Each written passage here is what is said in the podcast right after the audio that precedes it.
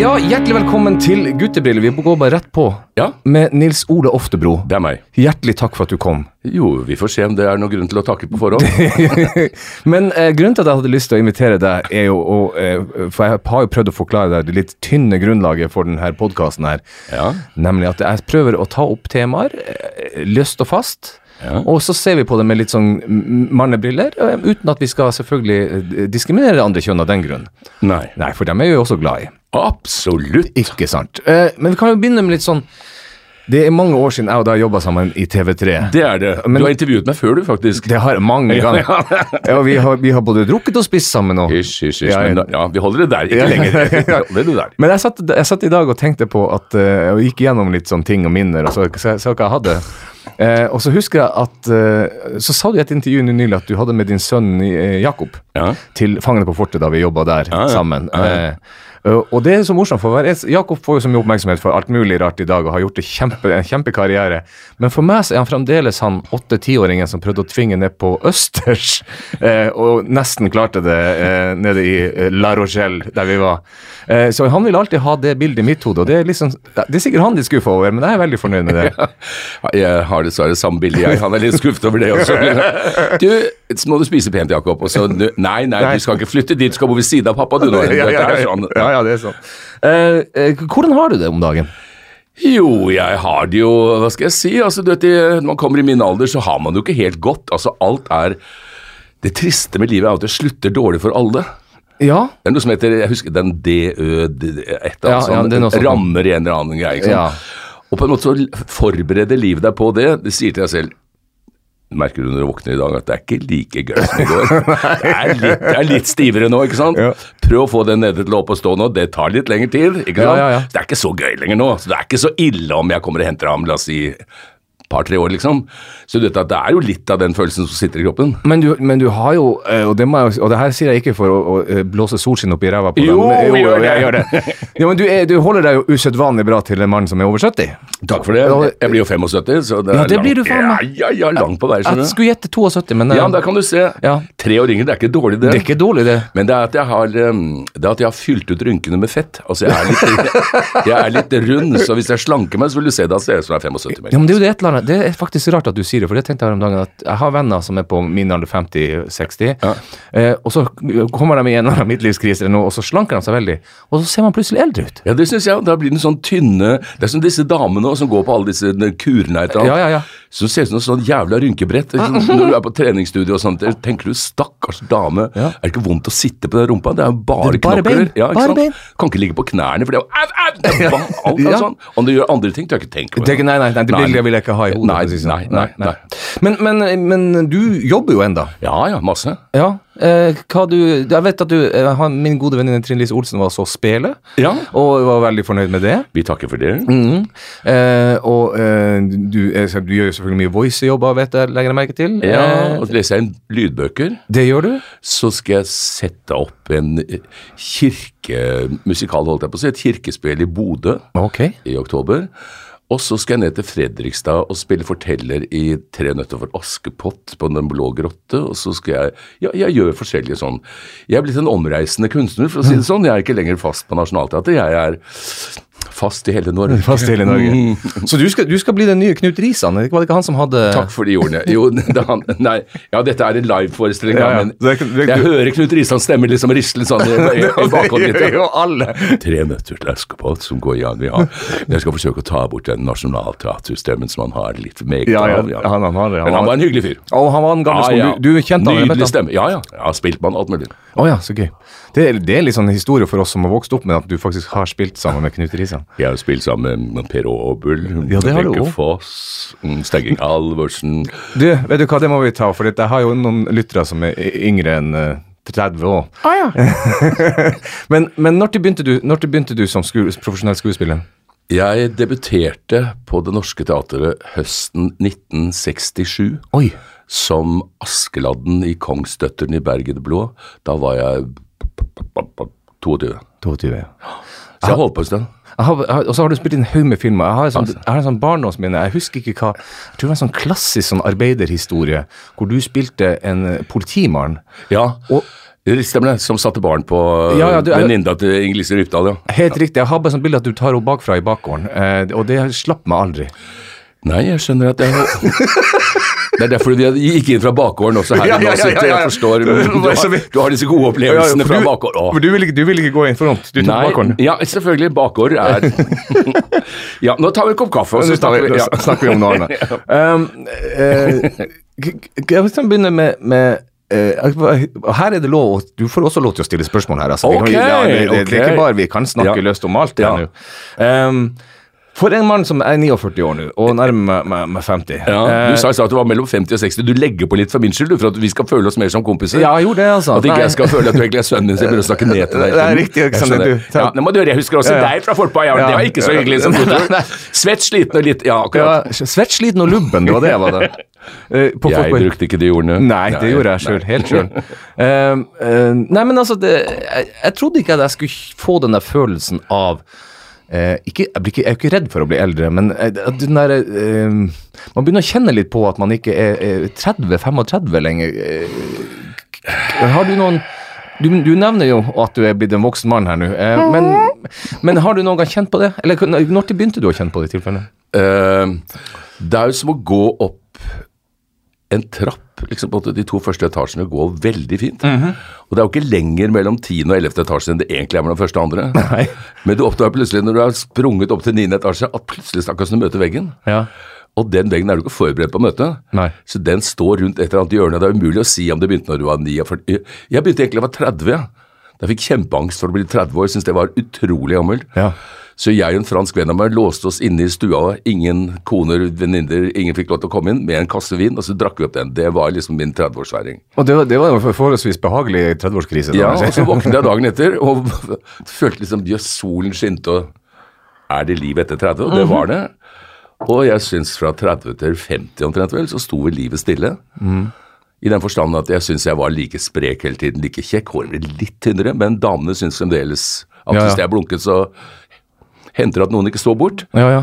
Og så plutselig så begynte det å Kjente at det begynte å lugge litt og skli litt sånn nedover bakken sånn innimellom. Du gir meg ikke så veldig mye håp her nå. eh. Du har et år igjen, vet du. Du Det- takk 50 skal du ennå. Takk skal du faen meg Nei, ha. det holder opp til 60. Hvis det er, du, har, du har tatt deg mye, du er sprek. Som faen, du reiser jo land og strand rundt og står på forskjellige scener. og- Det her er ren forfengelighet, Nils Ole. Det har ingenting med eh, helse å gjøre. Det Nei, det vet jeg, men det er for at du skal stå foran masse damer og fortelle ja, vitser om, om å være menn og sånn. ikke sant? Helt riktig. Noe glede skal man ha når man går av scenen nå, så dette forstår vi alt om. Du, og det må jeg, for, du var jo også, Er du gift nå? Jeg har vært gift. Jeg er, gift, eh, jeg er sammen med henne på niende år og gift på femte. Ja, da skulle jeg ikke si alt dette jeg nå sier da, ikke sant? Du, Hun er fullstendig klar over det, men jeg har en fantastisk bra kone, så det går helt fint. Ja, herlig. Hun er selvfølgelig mye yngre enn meg. Så det, Ja, selvfølgelig. Sånn skal det være. Min er også et par måneder yngre enn meg, så dette skal gå fint. Nei, men eh, Du var så på den forrige forestillinga mi, um, Ja. For gammel til å dø ung. Ja, det var veldig fint. Paradoksalt. Ja, og du er jo verdens flotteste fyr å ha i salen, for du er for det første er det jo ingen som ler så høyt som det du gjør. Nei, men det, det, Og, det, altså- jeg, jeg gjør det ikke for å gjøre inntrykk, jeg gjør det fordi jeg syns det var morsomt. Ja, og det setter jeg veldig pris på. Og så- var, du- var du jo så hjertelig med meg etterpå, og det setter jeg veldig veldig pris på. Eh, eh, og det er jo det som du er inne på. Jeg, jo, jeg står jo på den scenen, og så føler jeg at jeg snakker til eh, Har jo lyst til å snakke til folk på min egen alder, men når jeg sier egen alder, så er den alderen jeg har inni hodet, som er sånn rundt 30. Ja. Og så kommer det folk på min reelle alder, så tenker jeg hva gjør alle de gamle menneskene her i salen? Ja, sånn er det. Men- det, men det så- bare øker og øker, den følelsen der. Ja, men er det, er det, er det, er det en manneting, det der? For at i mitt hode så både ser jeg og oppfører meg og- som om jeg er 25. Og så skjønner jeg når folk ser på meg, så ser de ikke en 25-åring. Dette nye nå, det rare er jo at for noen år siden så sa jo damer at fy faen, dere menn er noe jævla slaske, skal bare ha yngre damer, og dere er så selvopptatte og tror at dere er kjekke når dere er 50 og sånn. Mhm. Hvis du nå ser det var noen som fortalte og gikk inn på, Han var da mellom 50 og 60. Han er nå inne på hva heter disse Tinder Eller hva heter disse hva heter Ja, disse, Tinder. Ja, hvor du Ja. går inn og sjekker og sånn. Ja, ja. Da sa alle damene som da var to år yngre enn han eller sånn, da. Mm. Nei, jeg vil ikke ha en mann på din alder, jeg vil ha en på en 30 eller 45, liksom, Ja, ja, ja, toppen. ja. Så nå gjør de akkurat det samme som vi har gjort før. De vil også gjerne omgi seg med en som er litt yngre og liksom Mer vital. brus og forlenge ungdommen sin og mer vital og ikke Mm. Forlenge ungdomstiden sin. Så det er tydelig at eh, at det jenter har ventet på, er bare å få lov til å gjøre alle de feilene menn har gjort, om igjen, liksom, på en måte. Nå har de sjansen. Nå har de fått seg frihet til å gjøre det, de også. Og de tar imot med begge hender og åpner både det ene og det andre. Ja. Men, men det er jo bra. For dem er det veldig bra. Ja. For oss er det jo ikke så bra. Men, vi- men For vi må da forholde oss til damer på vår egen alder. Ja, ja. Nei, det er bare tull. Det er. Det er De er hyggelige damer, det. Ikke noe problem. Jeg hadde en kompis, en, eh, jeg skal ikke nevne navnet hans, for du ikke vet hvem han er, du også, som sa at det er ingenting gærent med damer på min egen alder, de er bare så helvetes gamle, sa. Uff a meg. Jeg møtte Jeg møtte en eh, På flyplassen så kom det en dame bort til meg og sa Hei, husker du meg? Mm, nei. Eh, det burde jeg selvfølgelig.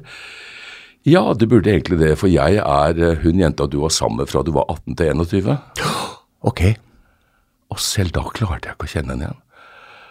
Og så ble jeg så skamfull, Ja. og så utrolig lei meg at jeg har gått og tenkt på det hele tiden. Tenkte jeg, fy faen hvor gammel hun må ha følt seg, og hvor dum hun må ha syntes jeg var som ikke kjente henne igjen. Men det er det, det som jeg pleier å si, at mitt forfall har vært offentlig. Ja. De har sett liksom håret falle av, Ja. tenna ryke og magen falle utafor beltet og alt mulig. Mens de plutselig møter helt unge mennesker så lenge etterpå, det er et stort sprang. det. Jeg tror, det, jeg tror både menn og kvinner opplever det. Ja, ja, ja, og, og- men, og det opplever jeg også. Så, og, og jeg er jo også velsigna med en dårlig hukommelse, så jeg husker jo heller ikke alle jeg har ligget med. øh, eh, og, og Logget er et godt ord. Det er en blanding av le, le Jeg lo, og jeg ligget med. Jeg har lo, lo, logget med! ja, det var hyggelig! og hyggelig. Jeg fikk det. andre så fantastisk! Ja, jeg logga med deg. Ja, faen, helvete. jeg har aldri tenkt på det. skal jeg faktisk Ja, det, det, er sånn. det skal det, jeg meg det er nordnorsk humor, det der. det var ikke så godt, men det var gøy. det var gøy godt. var gøy De sier gøy godt, men du sier gøy godt. Okay. Gøy godt. Um, har, har du hatt noe uh, Nei, det kan ikke spørre om nå etter Nei, det nei, ikke det spørsmålet. spørsmålet. Nei, nei, nei, ja. Jo da, nei, nei, nei, har, du, har du hatt den der eh, den klassiske uh, uh, mannskrisa, midt i livet-krisa, den eksistensielle Ja, Har du hatt noen sånn kriseperioder, du? Ja, det var vel da jeg ble skilt og Ja, ja, ja. traff litt yngre dame. Altså, Er det ikke det som kalles midtlivskrisen? da? Midtlivskrise, jo. Ja. Tradisjonelt sett. Jo. Ja da, jeg har da hatt det. Ja, men, det, men var det sånn, var, føltes det som en krise for deg, eller var det bare at du Det ble en krise. Jeg følte ikke en krise for meg. Nei, nei. Tvert imot. Det føltes som oi, oi, oi! Ja, ja. Fremdeles, liksom. Ja, ja, ja, her går det unna. ja, ja. Nei, nei, nei ja, for det, det Men det har aldri vært det der behovet for å kjøpe seg sportsbil og øh, øh, reise på eh, aleneferie til Thailand og den greia der? Nei, altså sånn det å dra og kjøpe ting i utlandet av, av kjø kjøttvarianter, liksom, på en måte, Ja, ja, ja. den har jeg aldri hatt. Nei, ikke jeg heller. Jeg har aldri vært på horehus i mitt liv. Aldri vært sammen med prostituert. Jo, jeg har vært på horehus en gang, men det var fordi vi trodde vi gikk på en bar. Torf Ja. Maurstad, to teknikere og jeg, vi var på tur til Tyskland for at uh, utstyret i taket på Nationaltheatret hadde brent, og sånn skulle bygge opp med sånn hullkort og du vet, sånn, for at disse tingene skulle komme ned på scenen. Og så begynte Toralf og jeg, for det hadde vært streik og sånn, så vi begynte å krangle så mye at disse teknikerne sa jeg orker ikke å høre på det, kan ikke vi dra et sted? Så satte vi oss i en drosje, og så sa jeg 'en bar, bitte'. Og da trodde han vi mente noe spesielt, så vi kom inn i et lokale som da Dette var ganske tidlig på kvelden. Som var nesten tomt, bortsett fra åtte pupper som lå på disken på den andre siden. liksom sånn, ah, ja, sånn sånn, ja. uformet sånn. Og det var da fire jenter som satt i trusa og tydeligvis syntes det var hyggelig at det kom gjester så tidlig på kvelden. Riktig. Men vi eh, var ikke i det humøret, så vi ble bare sittende og prate litt med dem.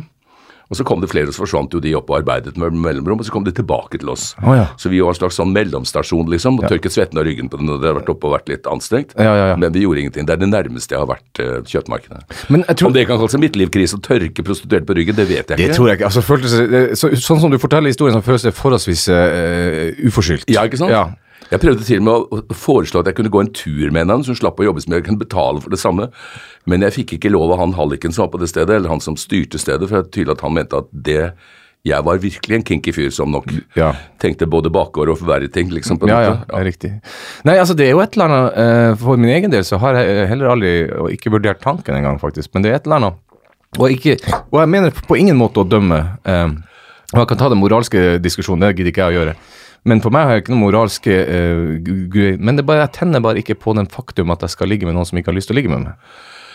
Nei, jeg har det på samme måte at jeg syns at kanskje det er jeg som er mer glad i å bli beundret enn uh, selve akten. Jeg vet ikke, men, men, men, men jeg liker på en måte at når hun ser på meg, så ser hun på meg med, med en type begeistring, Mm. glede. At, at hun også er glad for at det er jeg som nå, er sammen med henne, skal gjennomføre dette Ja, ja det nummeret. Og hvis det er borte, at det eneste jeg ser i henne er liksom hvor, hvor mye sedler har han i lommeboka, Mm. Det er ikke interessert. Det er ikke Nei, det, interessant. det, det, det kribler ingen steder over den tanken. Nei, jeg, jeg er ikke noe glad i pornofilmer. Jeg syns liksom på en måte at det er morsommere å delta enn å se på det er samme forhold jeg har til fotball. Ja, ikke sant. Så øh, Nei, jeg har ikke noe sånn spesielt forhold til det. Men um, disse saker hvor man ser på alt det du har gjort, eh, og spesielt um, ja, Fangen på fortet har jo nevnt eh, Mandagsklubben og sånne ting som har som nådd veldig bredt ut. da. Nå snakker jeg ikke om det som nødvendigvis skjer på scenen. Eh, em, så har, du- fikk du, eller har du fått en sånn slags macho-image? Eh, som macho, men guttemann, liksom. Sånn ordentlig maskuline. Hvor rettferdig føler du den er, imagen, overfor den personen du egentlig er? Enorm. altså, det er den stemmen i tillegg. Hallo, jenta mi. Du, skal vi ta noen armbøyninger sammen? Jeg tror jeg har et lite studio baki. Nei, uh, hva skal jeg si? Jeg følte at det kom uh, ganske overraskende. ja. Men uh, Jeg vet ikke hvem jeg overtok etter, men det, det ble jo litt sånn pga. den 'du kan ikke bare gå', hvor jeg spilte konemishandler. Og så, også den du sa, den jeg spilte han i bakgården. Og, Ja, ja, ja, og Rallablod. og Jeg fikk veldig mange sånne mannsroller liksom på en måte, som var veldig sånn menn. ja. Om det var fordi de andre sa nei, ikke ville spille dem, eller hva det var, det vet jeg ikke. Men jeg gjorde mye sånt. Mm. Og um, jeg tror først og fremst den 'du kan ikke bare gå', Ja. det er han som slo kona si, Ja. den skapte et slags image at jeg var en voldelig mann. Oh, ja. Og, og, og kvinner i forskjellige feministorganisasjoner var helt gale til å intervjue meg. Ja.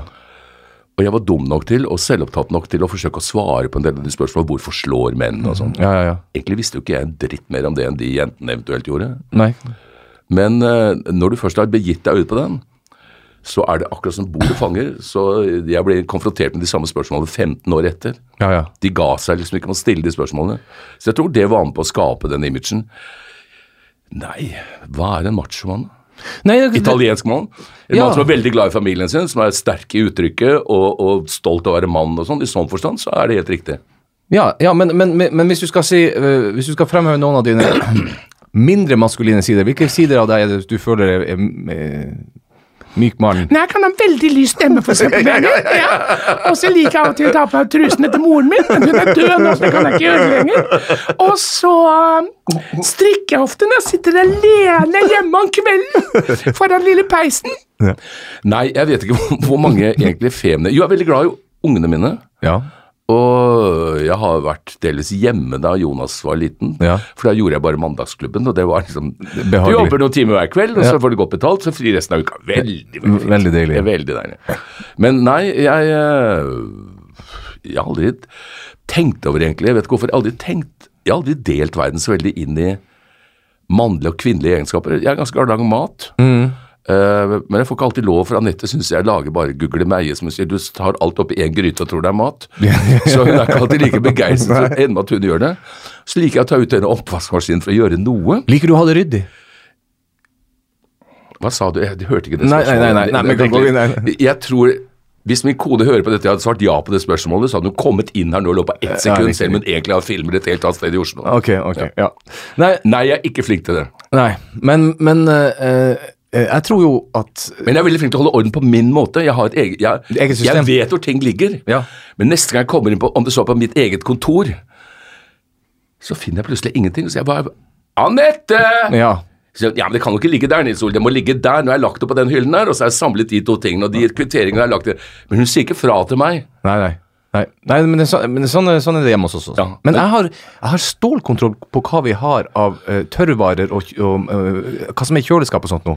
Jeg har god orden på hva som finnes av våtevarer, det vil jeg si, altså sånn som man kjøper i spesielle butikker. Ja, sånn. ja. ja, ja, ja det har jeg Det som. Roald Amundsen dro helt sør, liksom, på jordkloden for å finne og sånn. Ja, det, det har jeg også god ja. øh, orden Der vet jeg hva som står. Det er ikke noe vits for meg å kjøpe gammel vin, for den, den blir aldri noe eldre hjemme hos meg. Nei, jeg syns også det er dumt. Det er veldig Ja. Vi tøysete. tar på pappa så vi ikke ser vi drikker. Det er ja, akkurat sånn ja. Vi kan ikke ha en flasker der. Men herregud, er den flasken Håper ikke Anette ser Vi setter den litt under bordet. Ja, ja. ja. Altså, altså, altså putt den litt inn i kjøleskapet, så håper hun ikke løfter på den. Så Nei, nei, nei.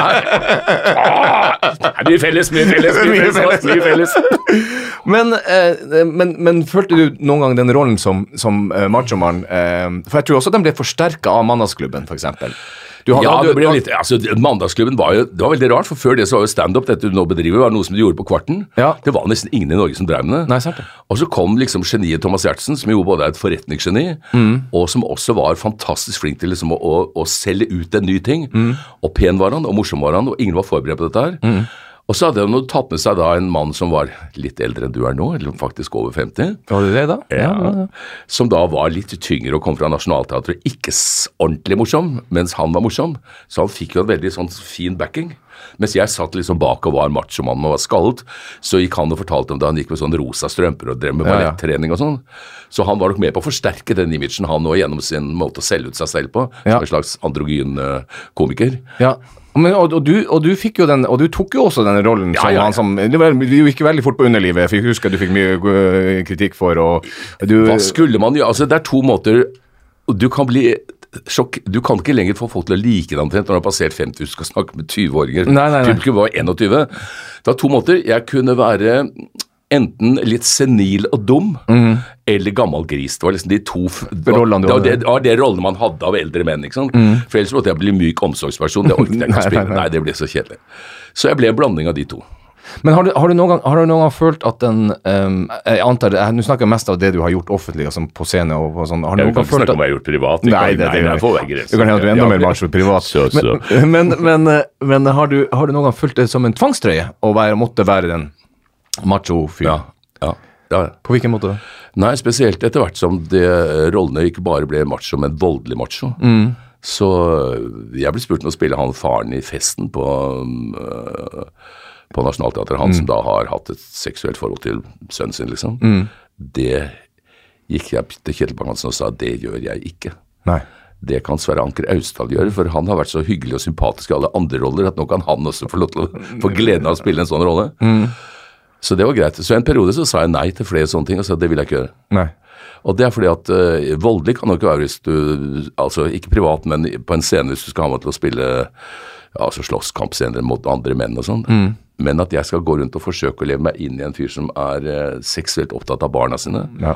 det Det blir for langt unna. ikke bare for langt unna, men det er en del eh, Det er noe jeg ikke vil Jeg har ikke lyst til å gå inn i det, liksom. på en måte. Man blir på en måte kvalm av det. Jeg klarer det ikke.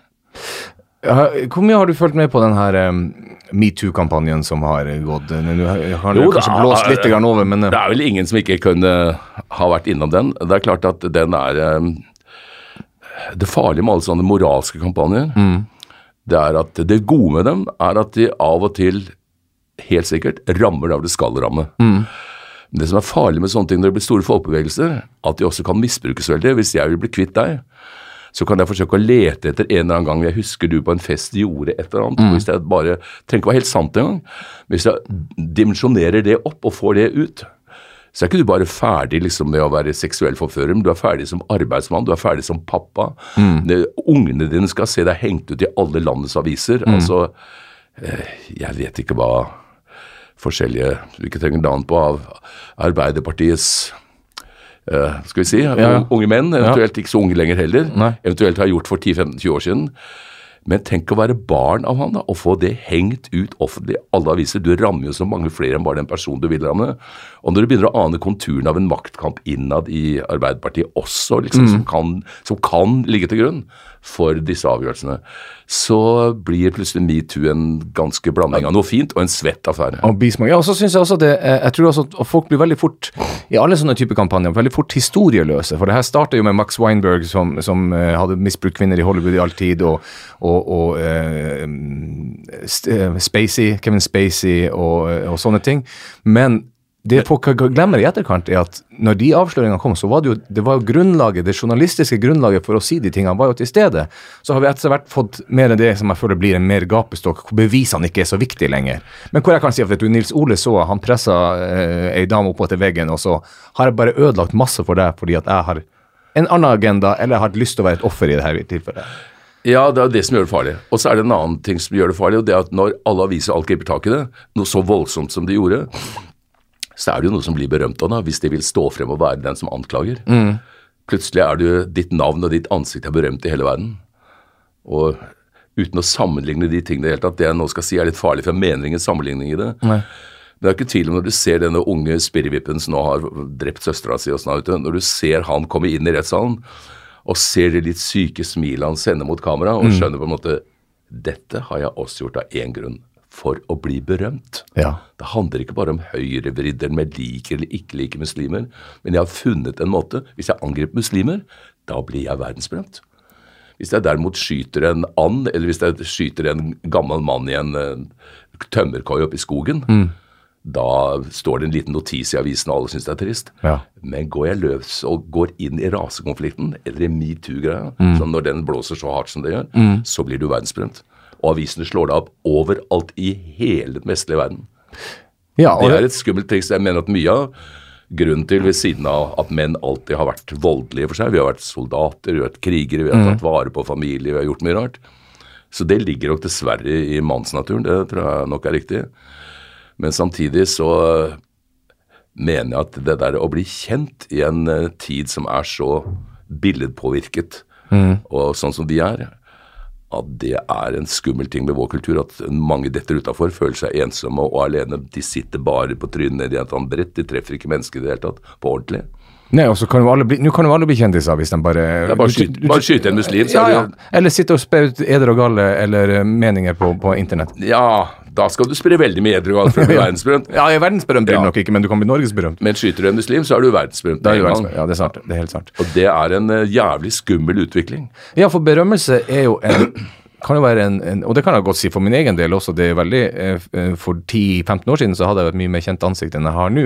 Du merker, jeg merker jo den overgangen fra bare det å gå inn i en butikk, eh, og hvilken service du får når du sier navnet ditt. Eh, er, er, Når du er på TV og sånn? Ja, ja, ja, ja. ja, ja klar, helt klart. Men helt klart. hva, er ditt forhold til din egen berømmelse, da? For jeg antar du er fremdeles et household name? ja, på måte. jeg er fremdeles et liksom litt sånn eh, hett navn for noen, for jeg har gjort så mye rart. Jeg har, Mm. gjort også, jeg har vært med i Cæsar, jeg har liksom gjort alle de andre tingene du sa, jeg har vært på Nasjonal, jeg har gjort Så jeg blir jo gjenkjent og sånn. Jeg, nei, jo, altså Du blir en blanding av øh, øh, Du er jo på en måte glad for at du blir gjenkjent, for det vil jo si at folk husker at du har gjort ting. Mm. Hvis alle gikk rett forbi deg etter å ha vært skuespiller i 40 år, så ville det egentlig være veldig trist. at Du har ikke nådd frem til noen ingen har sett det, ingen har hørt Og det. det er dessverre noen som har det sånn, tenker, tipper jeg. Ja, også, Men så er det den andre siden av det, og det er at øh, når du går inn et sted, og så oppdager du at folk sitter og småglaner på deg hele tiden. Når, alle, når de blir fulle, skal de ta selfies, og så Mm. skal de spandere en øl. Og når de har spandert den ølen, så kommer de bort, flytter seg bort. Ja, For da har de det- liksom kjøpt litt tid hos deg? Ja, og det er hyggelige folk, men når den tiende kommer bort samme kvelden og skal stille de samme spørsmålene, og litt halvfull fortelle dem det samme, Mm. så er faren at man ja, at man blir lei. Du kan dette her, du også. Det er, Ja, ja, ja. Men, men I gamle dager så var det sånn folk skulle slåss. Å ja, Fordi jeg var så macho, macho så skulle jo folk komme det blir med ut av en, Du skal ha en på trynet for at uh, kona di syns ditt eller datt. Ja, ja. Tror, du tror du er jævlig kjekk, du. Fy faen, jeg kan slå deg tvers gjennom bakken. Og sånne ting. ja, ja. Men det er det slutt på? Det er det slutt på nå. De fleste som er de som er i den greia, de skjønner at å begynne å slå ned folk over 70 år, det gir ikke noe spesielt mye. altså. Det er ikke mye berømmelse Det, Nei, den berømmelsen du får da, den er ikke verdt det, liksom den. Og kona hans er ikke lenger så opptatt av meg lenger. Liksom, du vet, Folk som de føler er kommet til rockefòr-alderen, er ikke lenger så interessante på den måten. Men, men, men, eh, men den andre sida av berømmelse, det som handler om leder til at man blir sjøl det her er. Han tar litt vann. Uh, det som, klok, klok, klok, klok. klukk. Godt med te. Godt med en te. Ja, okay. Men, eh, men eh, den, den, som, den som handler om at uh, all den oppmerksomheten man blir til del, gjør det at man kan bli litt sjølopptatt eller litt for sjølbevisst og sånt. Har du, har du kjent noe på det? Hva skal man svare på det? Skal jeg nå være Ja, det har jeg sikkert. Og, og det har jeg sikkert, men det er vanskelig, for at jeg har Jeg begynte på Norske Teatret da jeg var i 67. Så begynte jeg Fjernsynsteatret i 1969. Og den gangen så satt jo alle og så på Fjernsynsteatret, selv om de hatet Fjernsynsteatret. For de hadde bare én En TV. TV var kommet! Vi må se på TV hver kveld! Ja, Fjernsynsteatret er noe jævla dritt, men jeg ser på det! Så du var jo plutselig verdensberømt liksom, i Norge i løpet av et halvt år. Så og, til å begynne så syns jeg fra å gå Så plutselig lå jentene litt sånn rundt omkring. Ja, Hei, ofte var det hyggelig. Jeg så den siste forestillingen din, og det er klart at det var jo veldig artig, det. Til du altså- skjønte at du var på en måte Du var ikke en hyggelig mann, du var på en måte en fjær i hatten, du var en skalp i beltet. Ja, ja, ja. Også mange av de jentene. Ja. Det, da du begynte å ane det, så var ikke det akkurat like hyggelig. Så det har, det har to sider. Ja, ja. Men eh, det er klart man blir sikkert selvopptatt. Ja, men jeg har aldri hatt noe annet yrke. Nei, jeg, tenker, jeg skal ikke si jeg har aldri vært noen andre enn meg sjøl, så jeg kan liksom ikke si det. Det er andre utenfra som må si Nils Ole han er en jævlig selvopptatt dritt. Han tenker masse på seg sjøl og alt sånt. Det er mulig, det er helt sant. Det, men jeg vet ikke så mye om det. Men jeg tenker, for jeg, jeg får ofte høre når folk spør meg om hvorfor, hvorfor jeg driver med det, enten jeg var på TV eller om jeg står på standup-scenen sånn som nå, så får jeg det, hvorfor, hvorfor gidder du det, hvorfor er du, er du PR-kåt? Eh, er du oppmerksomhetssjuk? Så tenker jeg, ja, det er jo umulig å, å gå på den scenen uten å ha en viss form for ekshibisjonisme i seg. ja, ja, Eh, men jeg ikke, jeg synes jo det er sånn, PRK, det er sånn negativt ord. Jeg, jeg går jo dit fordi jeg har lyst til å underholde, fordi jeg mener at jeg har noe jeg kan bringe til dere som sitter her, en slags glede. Og så gir det meg en egoismisk glede hvis jeg klarer det. Eh, så den PR-kåtheten syns jeg alltid er så, så negativt ord. Hvorfor, hvorfor står du på, hvorfor har du stått på scenen siden Nei, jeg tror at det er veldig mye samme som deg. Altså, PR-kåt, de som bare er det, de blir sånn Paradise Hotel-kjent i liksom en kort periode. Ja, ja. Og så hopper du fra reality-scene til reality-scene, liksom, på en måte, og er deg sjæl for å vise Mm. Ja. det. 110 meg sjøl? Ja. Ja, men, mens jeg har gjort veldig mye annet. Altså, jeg har spilt veldig mye roller som ikke er meg, men som er liksom Hvor jeg er den som tilfører den, den karakteren liksom kropp og stemme akkurat i det øyeblikket, da.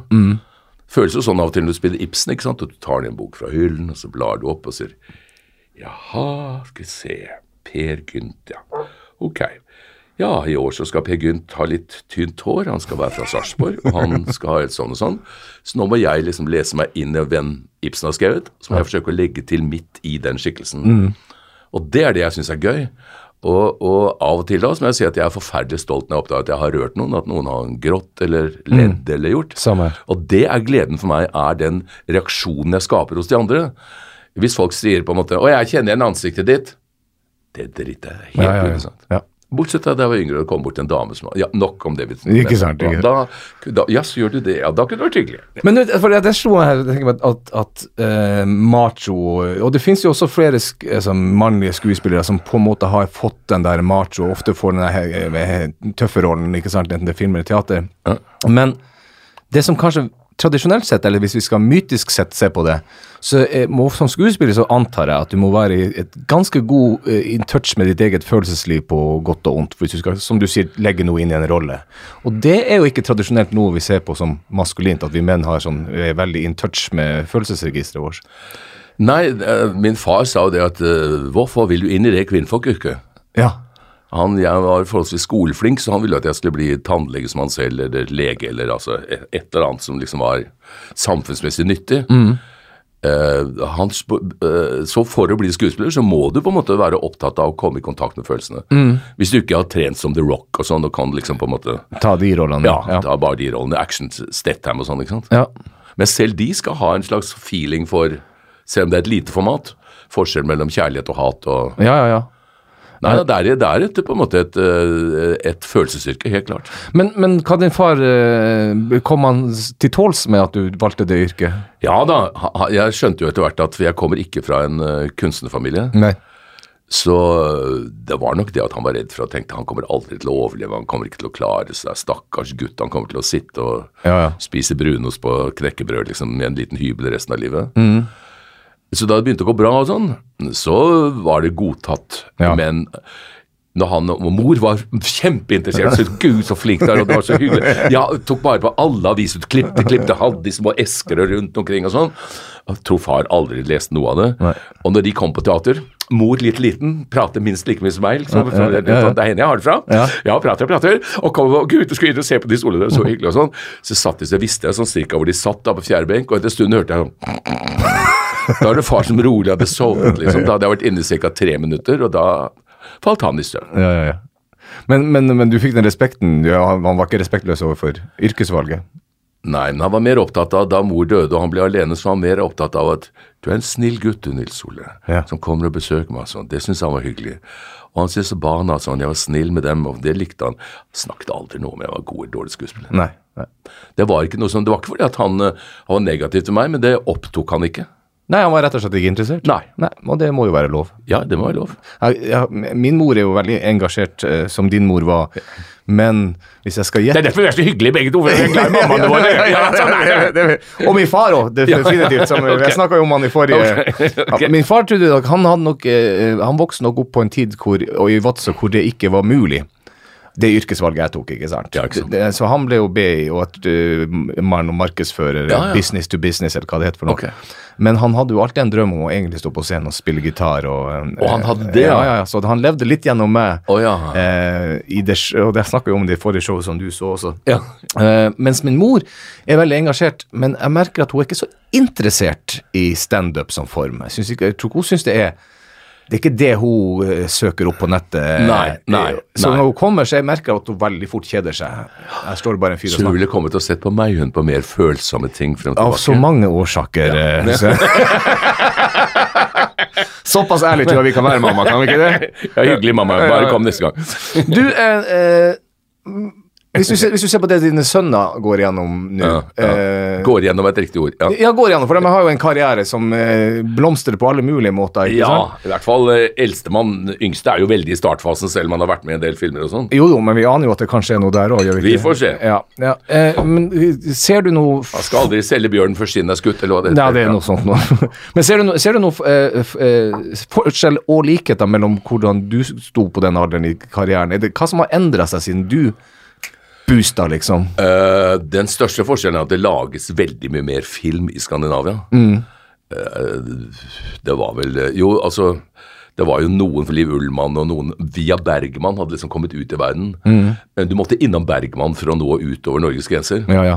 Og jeg, jeg tror ikke han ville vært så glad i å være innom meg som han ville vært glad i innom ja, det går Ja, ikke detalj, men ja, Nei, nok men- om det. han var jo det. Ja, han var jo glad om det. Ja.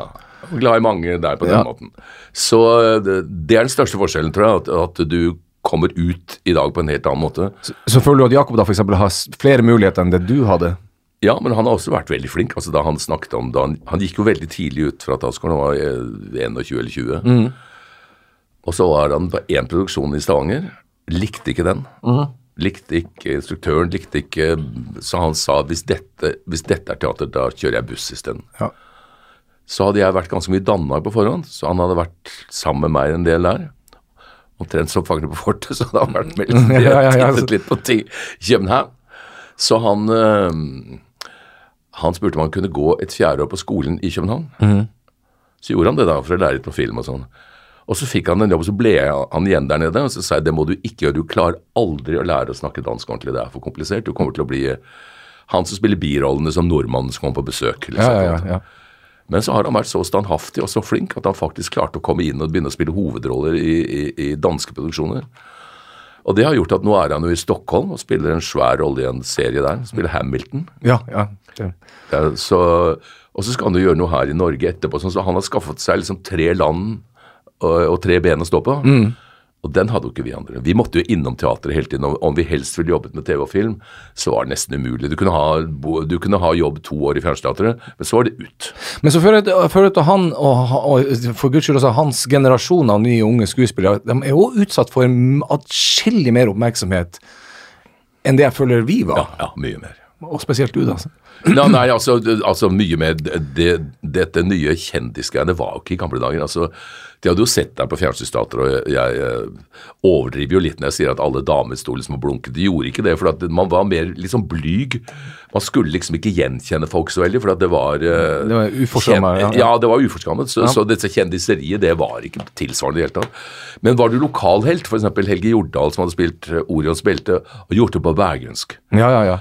Og ble verdensberømt for å ha spilt en hovedrolle ordentlig på Bergen. så Han, ikke, han ble jo kanonisert i Ja, ja, Bergen, ja. men det var den lokalpatriotismen like mye som Ja, du skjønner hva jeg mener. Som alt annet. Ja. Og så er man jo, er man også sånn Eller den, den Nå vet jeg ikke hvor aktiv du er på sosiale medier, men, men i forhold til Veldig lite. Ja, jeg, jeg prøver å være aktiv, men jeg, jeg, jeg syns det er litt kjedelig. Men, men, eh, men um, det er jo så lettere å få, få tak i det. Altså, hvis jeg, Før så måtte du skrive et brev til Nils Ole Oftebro Ja. så hei, jeg så det der, og Ja, synes syns du er kjeppøy, ja. Du kan skrive tilbake og så adressen. ikke sant? Mens nå er det jo bare Du kan jo sende melding til hvem du vil nå. Ja, ja. Og, og Det gjør jeg jo, jeg svarer folk og sånn. Det, det gjør jeg ganske mye, men jeg selv legger ikke ut noe. Nei, nei, riktig. Men jeg svarer og kommenterer og forsøker å komme vitser om ting, eller gjør, eller så hyggelig jeg så deg der, så flink du var, og sånne ting. Det gjør jeg mange ganger. Men jeg bruker sosiale medier på den måten. Ja. Men ehm, tror du eh, Nå snakker jeg liksom ehm, ehm, Sånn kroppslig sett når man blir eldre Ja. Nå er er jeg hos min mentor og bare hører hva jeg skal Ja. forberede meg på. Hva Ja. skal jeg forberede meg på? Eh, du skal forberede deg på at eh, de slitasjeting du eventuelt kan få på av idrettsskader eller sånt, sånn, Det er det veldig lite av her, kan jeg si det. de Ja. kommer Jo. Lattermusklene kommer, ja. Ja, Men Jeg Ja, sprukket biceps og litt forskjellig. Men, men eh, de kommer overraskende og, og fort. Liksom Du våkner opp en morgen og har vondt i kne. ja, ja. Du hadde ikke det uka før. Nei, nei.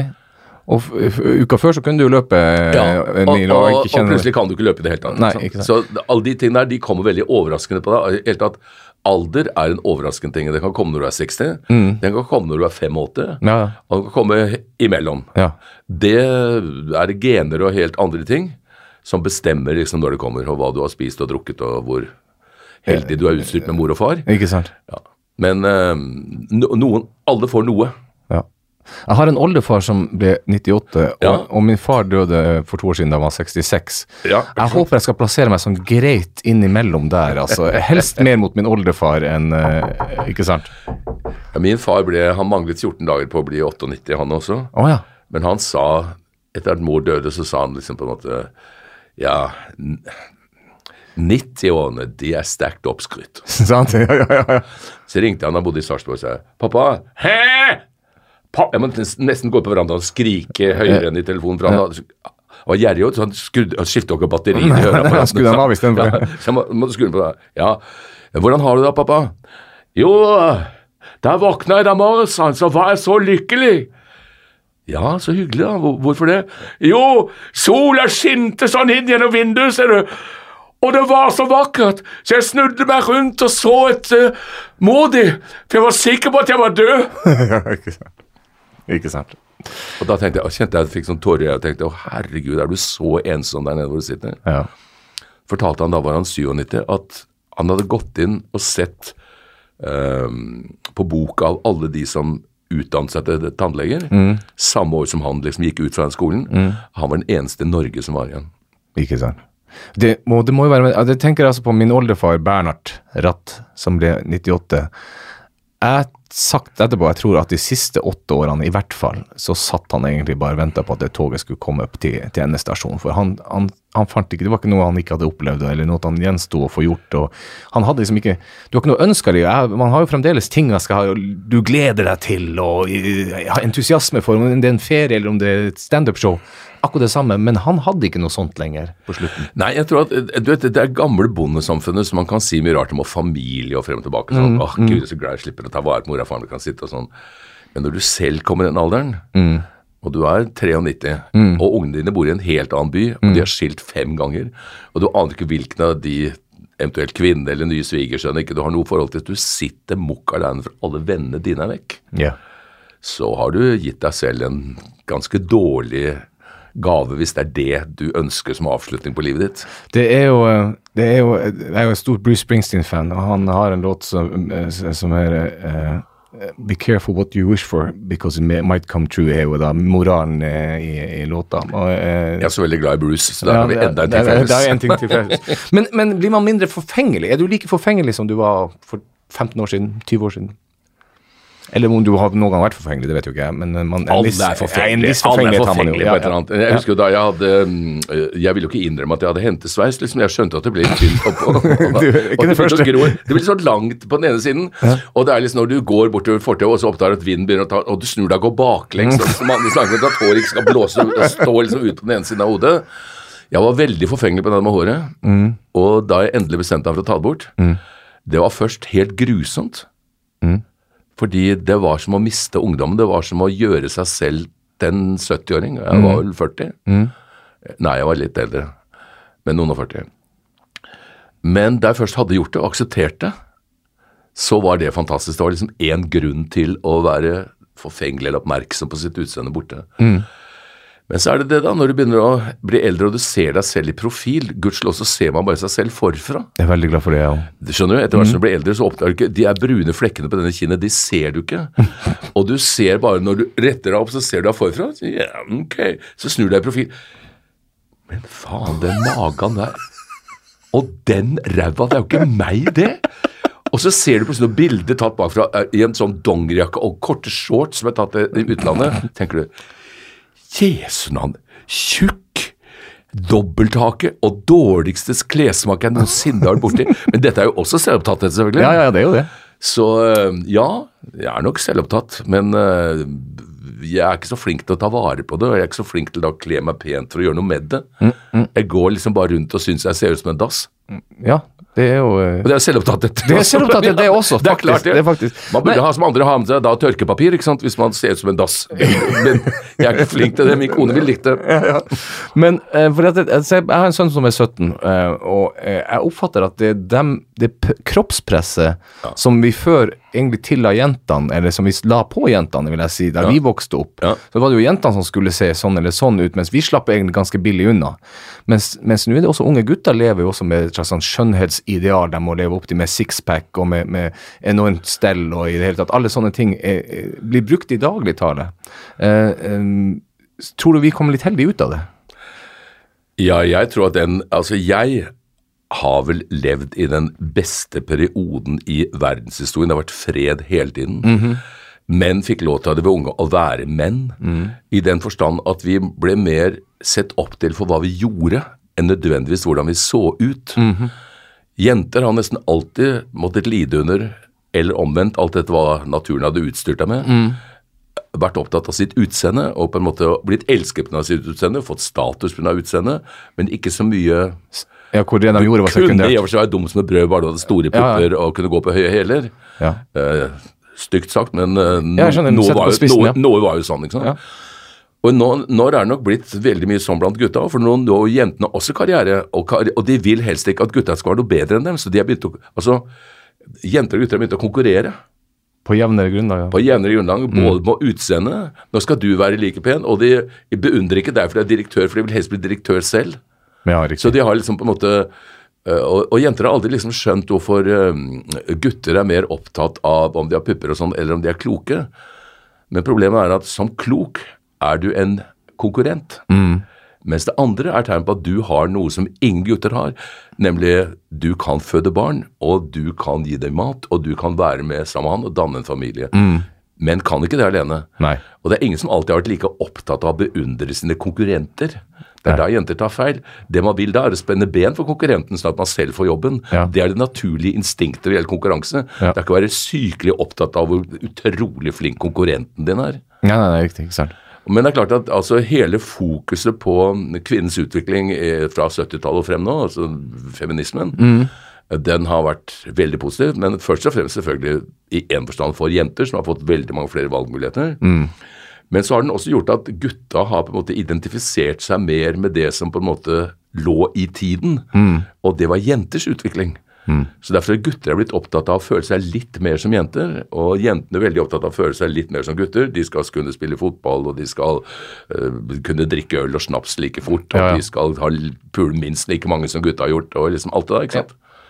Så jeg tror den, den gjensidige påvirkningen den har både vært positiv, og så har den en del etter min mening ganske negative selvopptatte sider. Ser du på blogger til eh, unge jenter og sånt, som jeg syns er eh, noe underlige utslag av feminisme og, og, og utvikling av hva de har fått av sine mødre, som da har gått i tog liksom fra 70-årene frem. Det er artig. Mm. Ja, også det, det, jeg synes jo fremdeles Men Jeg føler meg så gammel når jeg sier det, men jeg syns jo det er helt utrolig at det fins først og fremst jenter der ute som tenker at det å skrive på en blogg er en karriere. Eh, Men det er jo en karriere. ja, ja, ja, men jeg syns det er rart Ja, ja, det- folk syns det er like rart at vi bestemte oss å stå på en scene og lære tekster uten at som var vi som hadde skrevet og sånn. sånn. Ja, ja, ja. Det kan være like. Spørsmålet er fins det et marked for det? Ja, Og det er det helt tydelig at det gjør. ja.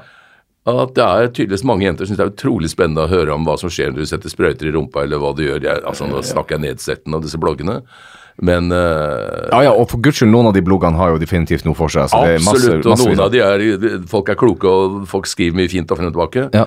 Men det er jo et enormt marked der ute, tydeligvis også for det jeg kaller veldig selvopptatte utseendemessige ting. Både når det gjelder menn og kvinner. ting, ja. Og jeg føler at det er kvinner som har ført veldig med i bresjen for den utviklingen. Og det er noen jenter nå som kommer til å hyle og skrike, for de liker jo ikke å, og eventuelt å ha vært leder av en negativ trend. Men det mener jeg til de grader har vært, altså. Ja. Um, jeg leste, eh, jeg leste um, at du, du fikk en kreftdiagnose for eh, mange år siden. Ja. Eh, og så leste jeg noe som jeg syns var veldig tøft. Eh, og jeg vet ikke hvorfor jeg syns det er tøft, men jeg sa at du, du reiste til Tyskland og tok en operasjon, Ja. for du ville ikke miste potensen. Ja. Eh, og så sa du jeg lever heller ti år kortere Ja. enn det. ja. Hvorfor det? Hvis det står om liv.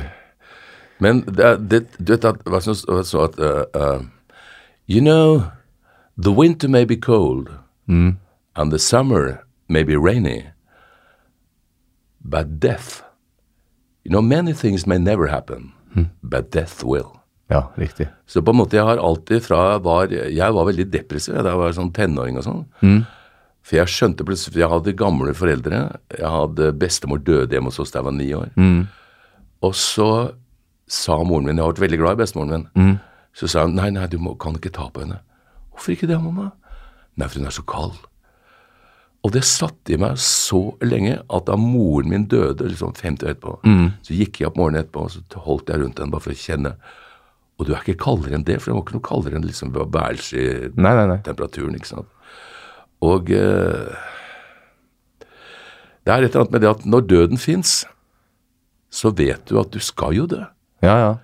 Men det som er viktig da, er hva slags liv vil du ha frem til du dør. Ikke sant. Og fordi jeg hadde sett faren min sitte som 90-åring og egentlig bare ønske liksom på en måte å komme ned i pennalet, Mm. så syns jeg det var viktigere å, hvor lenge jeg kunne klare å holde på mer av hele meg, Ja. enn å begynne langsomt å selge ut en og en del. liksom på en måte. Det var mer det Jeg var nok litt kvikkere i kjeften enn jeg egentlig eh, skjønte. Ja, ja, riktig. Fordi eh, jeg vil gjerne leve, jeg. Det handler ikke om det. Nei. Men jeg vil gjerne kunne Derfor jeg jobber fremdeles òg. Noen som spurte om en stund siden Du, vi, eh, jeg vet ikke om det var Dagbladet eller VG som ringte. Vi har tenkt å skrive om de gylne årene. Og nå er du inne i de gylne årene. Kunne du tenkt deg å lage et intervju om det? Så sa jeg bli gammel er noe drit. Det er ræva. Jeg syns ikke det er det minste hyggelig å være pensjonist. Det er møkkatilværelse. Jeg vil mye heller være 30 år. Hoppe rundt i verden og gjøre Jeg syns det er dritt. Ja, ja, ja. Ja, sånn ser jeg på det. Det er, og det er, så, det, er så, det er så fint at du sier det, fordi at det er Man skal Eller vi føler et press for at vi skal liksom omfavne den delen der som, som ikke jeg, om, eh, Min kone er, Inga er jo um, audiograf og stiller høreapparat for folk. Ja, ja, ja. Og hun sier alltid hun har alltid sagt det at de sprekeste pensjonistene, de som ikke ser ut som de er 70 eller 80, Ja. det, det de har til felles, er at de har hund. Har hund. Ja, for da må du ut og gå. Det øyeblikket du setter deg i sofaen og tenker nå skal jeg bare slappe av og nyte pensjonisttilværelsen, det er da du blir gammel. Det og det skjer så fort. Det er helt riktig. Og, og veldig viktig også at folk holder seg oppegående i huet. At ikke bare bikkja For bikkja tror jeg også kanskje holder av mine barn har dessverre dyreårsallergi, ellers hadde jeg hatt bikkje. Ja, ja, ja, riktig. Men, men, men er, det, er, det, er det at du jobber såpass mye enda, er det også like mye enn sånn Bare for å holde deg litt oppe og holde deg gående? Jeg vet ikke om det er bare derfor, men, men jeg føler at det at jeg jobber, gjør det. Ja. Uh, men jeg har ikke noe behov for å la det være heller. Nei. Derfor sitter jeg her og prater med deg også. Ja. Du har ikke betalt meg veldig mye for dette her. Det har jeg ingenting, faktisk. Nei. Nei.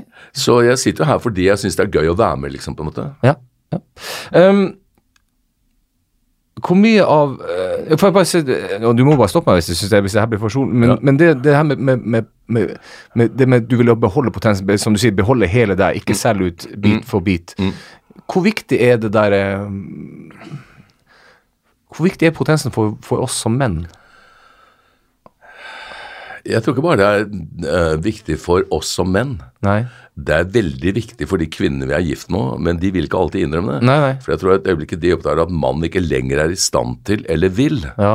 da blir det noe helt annet. Da plutselig har de ikke vondt i hodet lenger og snur seg bort, og de vil ikke på fred på torsdagskvelden og sånn. ikke sant? Da er det plutselig et enormt savn, for da er det ingen som setter pris på dem som kvinner lenger. Så på en måte så, hvis de ikke går ut og er utro, så dør jo de med sin kvinnelighet også. Ikke sant? Så i en forstand så tror jeg det er veldig viktig at man, at man fortsetter, uansett om potensen svikter, ikke fortsetter å ta på hverandre og ha en eller annen form for seksuell nærhet til hverandre. Mm. For at et forhold skal kunne eksistere også når du blir gammel. Det tror jeg er veldig, veldig viktig. Og, jeg- og jeg føler det her er et tema det er veldig lite snakka om. At, det er et slags sånn, liksom tabu der. Ja, veldig, ja altså mann-mann-ereksjon har jo alltid Altså Damer har det mye greiere, for de kan jo egentlig bare legge ett ben på hver side av senga og så si at 'nå er jeg klar'. Ja. Og, om det ikke går for dem, så er det som regel da din skyld, for at du klarer ikke å gi dem orgasme. det er ikke fordi de ligger og tenker på om det skulle vært malt i taket eller ikke, men det kan jo også være det som er grunnen. Veldig ofte er det det som er grunnen. Ja, ikke sant? Ja, du maler heller ikke tak så ofte. Nei, jeg er veldig dårlig er Veldig altså. dårlig med tak, Ja, det, altså. er- det er det der. Eller rydda først, eller, eller for eksempel, ikke sant, altså, vorspiel er jo også å støvsuge og vaske gulvet, ikke sant, som de sier. Så sier jeg, da er, det er ikke vorspiel, det er, da betaler du da, Ja, ja, ja. det jeg har gjort. That's another thing, my love. Men, men at man kan snakke om det, at man har en åpenhet rundt det, og at man tar på hverandre. Og altså med en, med en, eh, med en seksuell lyst. Om du får pikken opp eller ikke, så syns jeg det er veldig veldig viktig. altså At man har liksom det liksom gjensidige forholdet. Jeg tror alle forhold dør veldig Eller skifter veldig karakter hvis det blir helt vekk. Det tror jeg definitivt eh, det gjør. Også, så, også som du sier, at eh, om du får pikken opp eller ikke, eh, er ikke nødvendigvis det viktigste, men man, man og, Men jeg tenker jo også at hvis du ikke prøver, så får du den i hvert fall ikke opp. Nei, men altså det finnes jo andre måter å tilfredsstille damer og menn på. altså Og så finnes det mye fint i medisiner om dagen. da. Ja, og så finnes det jo, ja, det gjør det også. Pilleskål for, Skål for det. alle filer. Både gule og blå piller. Skål for alle. Skål for alle. Skål, skål, skål, skål, skål på. Fortsatt bare vann her. vet du, Ja, men du stemte, altså, lesbiske damer kan jo ha et fantastisk sexualliv, men akkurat pikk er vel ikke det de får mest av, kanskje? Nei. Altså, nei. Men de kan jo, hvis de er begeistret for hverandre, kan jo finne på utrolig mange måter å ha det deilig sammen på. Ja, det kan vi alle lære nå. Det er det jeg mener. Ære være dem for det. Det Ja. er, det er det man kan lære noe av, mener jeg. Både som, uh, som heterofile, både som mann og kvinne. At det er ikke bare ereksjonen som skaper det. Det er liksom lysten og gleden og evnen og ønsket om å tilfredsstille hverandre.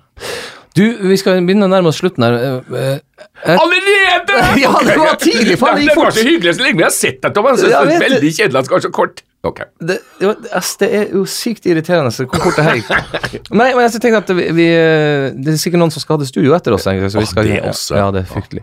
Men, men jeg tenker at så lenge man er motivert, så lenge det er ting du har Er det, enda ting du har lyst til, ting du kjenner at du brenner for, som du har lyst til å oppleve, som du tenker at det her er, Ser du på ting som utfordringer? Er det Ja, ja, ja. er, du, er du sulten ennå? Det liksom det jeg Ja, ja. det er jeg absolutt. Både på jobber og på male og bilder og mye rart. Mm. Og, og på å treffe nye mennesker på alt. Ehm, det, er ikke, altså, det er ikke det samme som før. Du, nei, du har ikke noe karrierejag, tenker tenker Nei, det er akkurat det du ikke har. Ikke? For det er liksom ikke. Det er ikke så mye mer jeg har å bevise, tror jeg. liksom sånn Oi, så flink han var til å spille 75! Nei, nå man han ut i verden, dere! Det er, Herregud, ingen kan miste gebisset fortere enn han, så det er, det er liksom ikke Nei, men er ikke det litt deilig, jo? Jo, det er det. Ja. Det er litt deilig. Det er faktisk noe av det aller deiligste. Jeg prøver å si at det som, det som er fine som kommer med alder, det er at du får en sånn gave, og det er gaven eh, evnen til å kunne gi faen. Uh, Ja, nå er det jo litt vanskelig, for nå har vi kjøpt en liten leilighet nede i mm, Patalavaca på Gran Canaria. Og dit kan man jo bare komme med fly, da, vet du. ja. Og det er jo det grusomme at man skal dra ned og hygge seg, liksom dra ned dit en 14 dagers tid og ha liksom pensjonisttilværelse da, Ja, ja, ja. før man drar hjem og gjør noe annet. Så skal man sitte med dårlig samvittighet hele veien fra Gardermoen og ned, liksom, på en måte fordi man flyr. ja. Jeg vil gjerne ha vinger, jeg kan fly selv, det hadde vært kjempefint, men det er vanskelig å gro ut. Da må man dø først. Jeg tror det, ja, det er Det, sant. og Men, det er trist, altså. men ja, så vi får bare heie på elfly, tenker Ja. jeg. Elfly tror jeg kommer snart. Ja, men elfly til Gran Canaria, den tror jeg det, Det tar tid. batteriet er stort. Ja, det, det, det er større enn noen min konkurrent. Det kan ikke jeg svelge engang, så det tror jeg blir vanskelig. Nils Ole, tusen takk for at du kom. Det har vært en glede å se deg igjen og ha deg som gjest. Tusen takk, veldig hyggelig Ja. å være her. Hyggelig å se deg igjen nå. Jo, ja, takk. Har, du, har, du noe nytt show? Skal du på Latter snart? Du, jeg skal på Latter hele denne uka her, for øvrig. Eh, okay. men, men ikke med eget show, der skal jeg ha, lede andre. Og du har konferansier? Konferansier. Eh, men jeg har en premiere på Det kan fint at du spurte. På Ja. 6. september har jeg premiere på et nytt show som heter Unnskyld. I Trondheim skal ha premieren min. Så det er Ok, ja, takk. Da er jeg veldig glad for at jeg fikk lage litt PR for deg. Det, også, med på altså, er, er du og uh, Anette selvfølgelig uh, selvsagte på Oslo-premieren. For at, eh, Nå, må- jeg når er den? det vet jeg ikke. Rett over nyttår, så du har god tid. Da tror jeg jeg kommer eventuelt. Ja. Jeg tror ikke jeg drar til Trondheim. Nei, det skal du slippe. Ja. Det skal du slippe. Men, men tenker jeg også, hvis jeg setter deg på sånn rad to-tre, Ja. bare sånn at jeg hører det, Ja, helt sikkert. gjør det Ja. Latter. Etter jul. Etter jul. Kjempefint skal høre! Og så må, du- dere følge oss på sosiale medier, eh, eller meg, eh, The Lakevoll, eh, på Instagram og Snap. Og så har vi en Facebook-side med et guttebriller, så der skal jeg legge ut litt kos. Vi ses!